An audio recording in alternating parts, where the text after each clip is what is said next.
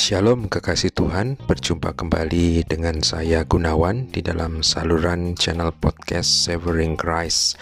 Dan kita masih akan melanjutkan serial podcast kita tentang renungan kitab kisah para rasul.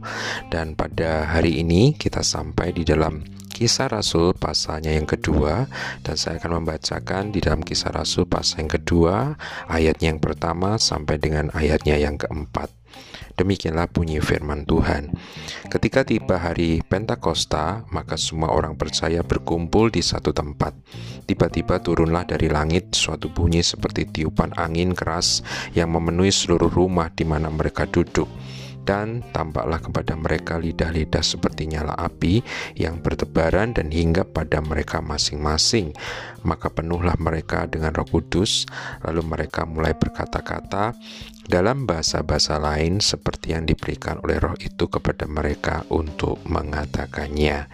Jikalau kita melihat di dalam kitab Kisah Para Rasul, maka kita akan mendapatkan bahwa turunnya Roh Kudus pertama kali ke atas gereja Tuhan atau lahirnya gereja adalah tepat pada hari raya Pentakosta.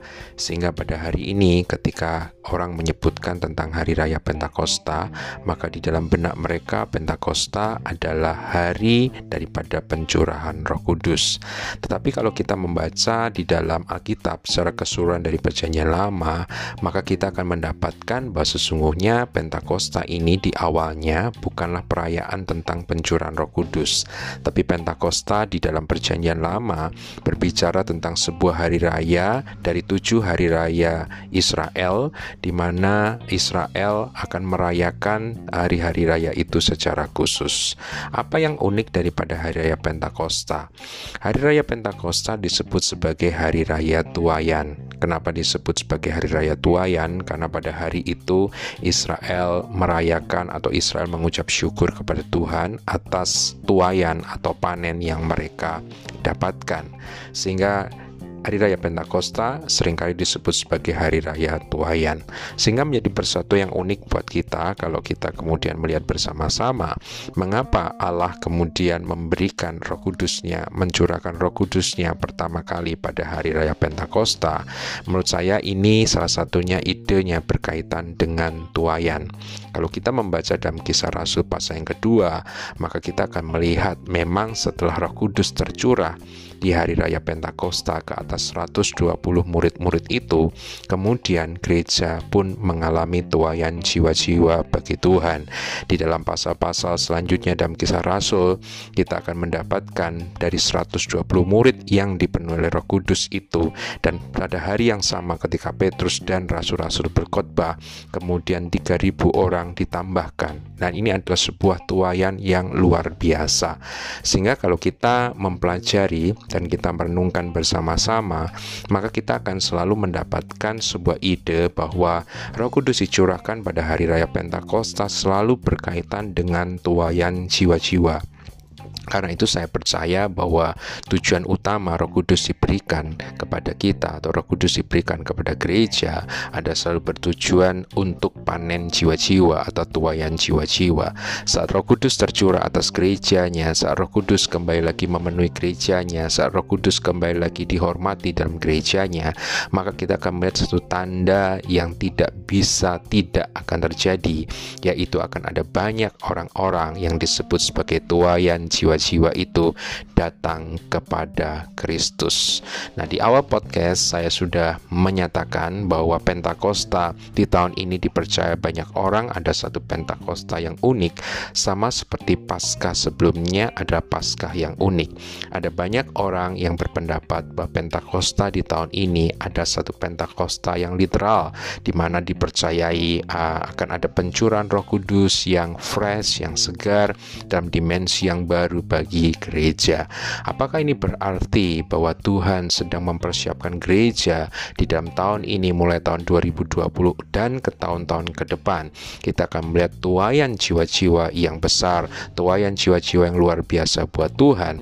Saya secara pribadi meyakini seperti sedemikian. Sebab kalau kita bisa melihat kalender-kalender perayaan hari raya tadi ada sesuatu yang menarik kalau kita mempelajari kondisi agrikultural daripada Israel. Bahwa ternyata ketika Israel e, merayakan tuayan ternyata tuayan di dalam Alkitab itu bukan hanya satu kali. Tuayannya ternyata adalah dua kali. Oleh karena itu di dalam Alkitab disebutkan ada yang disebut sebagai hujan awal dan hujan akhir. Pentakosta disebut sebagai hari raya tuayan yang saya sebutkan sebagai tuayan yang pertama hari raya Pentakosta tuayan gandum dan jelai. Tetapi kalau kita bisa melihat di dalam agrikultural Israel, maka orang Israel akan merayakan tuayan yang kedua nantinya yang disebut sebagai tuayan buah-buahan yang diperingati tepat pada hari raya Tabernacle atau the Feast of Tabernacles. Sehingga kalau kita bisa melihat kronologi waktu ini dan kita bisa melihat bahwa semua hari raya-hari raya yang ada dalam perjanjian lama adalah nubuatan akan terjadinya masa-masa atau peristiwa atau momen yang terjadi di dalam perjanjian baru, maka sebenarnya kita sedang menantikan satu tuayan lagi, satu tuayan yang lebih besar yaitu tuayan buah-buahan yang diperingati di dalam Feast of Tabernacles. Sehingga pertanyaannya, renungannya buat setiap kita, apakah kalau tahun ini Pentakosta disebut sebagai Pentakosta yang literal, berarti Tuhan memberikan satu pencurahan Roh Kudus yang segar buat gereja?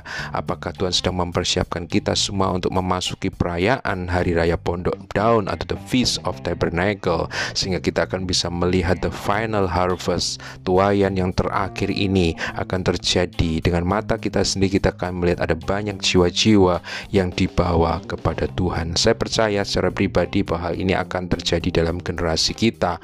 Oleh karena itu saya mengajak setiap rekan-rekan yang mendengarkan podcast ini untuk kita boleh mempersiapkan hati kita, mempersiapkan hidup kita terutama di dalam waktu-waktu ini karena saya percaya ini adalah waktu-waktu kairos bagi kita, kairos bagi gereja Tuhan supaya kita boleh membuka hati kita, membuka seluruh uh, uh, hidup kita bagi Roh Kudus untuk kembali pada hari Pentakosta nanti untuk memenuhi kita, untuk mengurapi kita, untuk memperbarui kita, untuk mengequip setiap kita sehingga nubuatan tentang the final harvest raya yang terakhir itu akan benar-benar terjadi dan digenapi di dalam generasi kita. Itulah doa saya, itulah pengharapan saya bagi kita semua. Dan kiranya uh, podcast ini memberkati saudara dan kita masih akan melanjutkan di dalam podcast-podcast selanjutnya. Oleh karena itu saya akan selalu mengundang rekan-rekan kekasih Tuhan untuk terus mengikuti podcast ini. Kiranya Tuhan memberkati semua.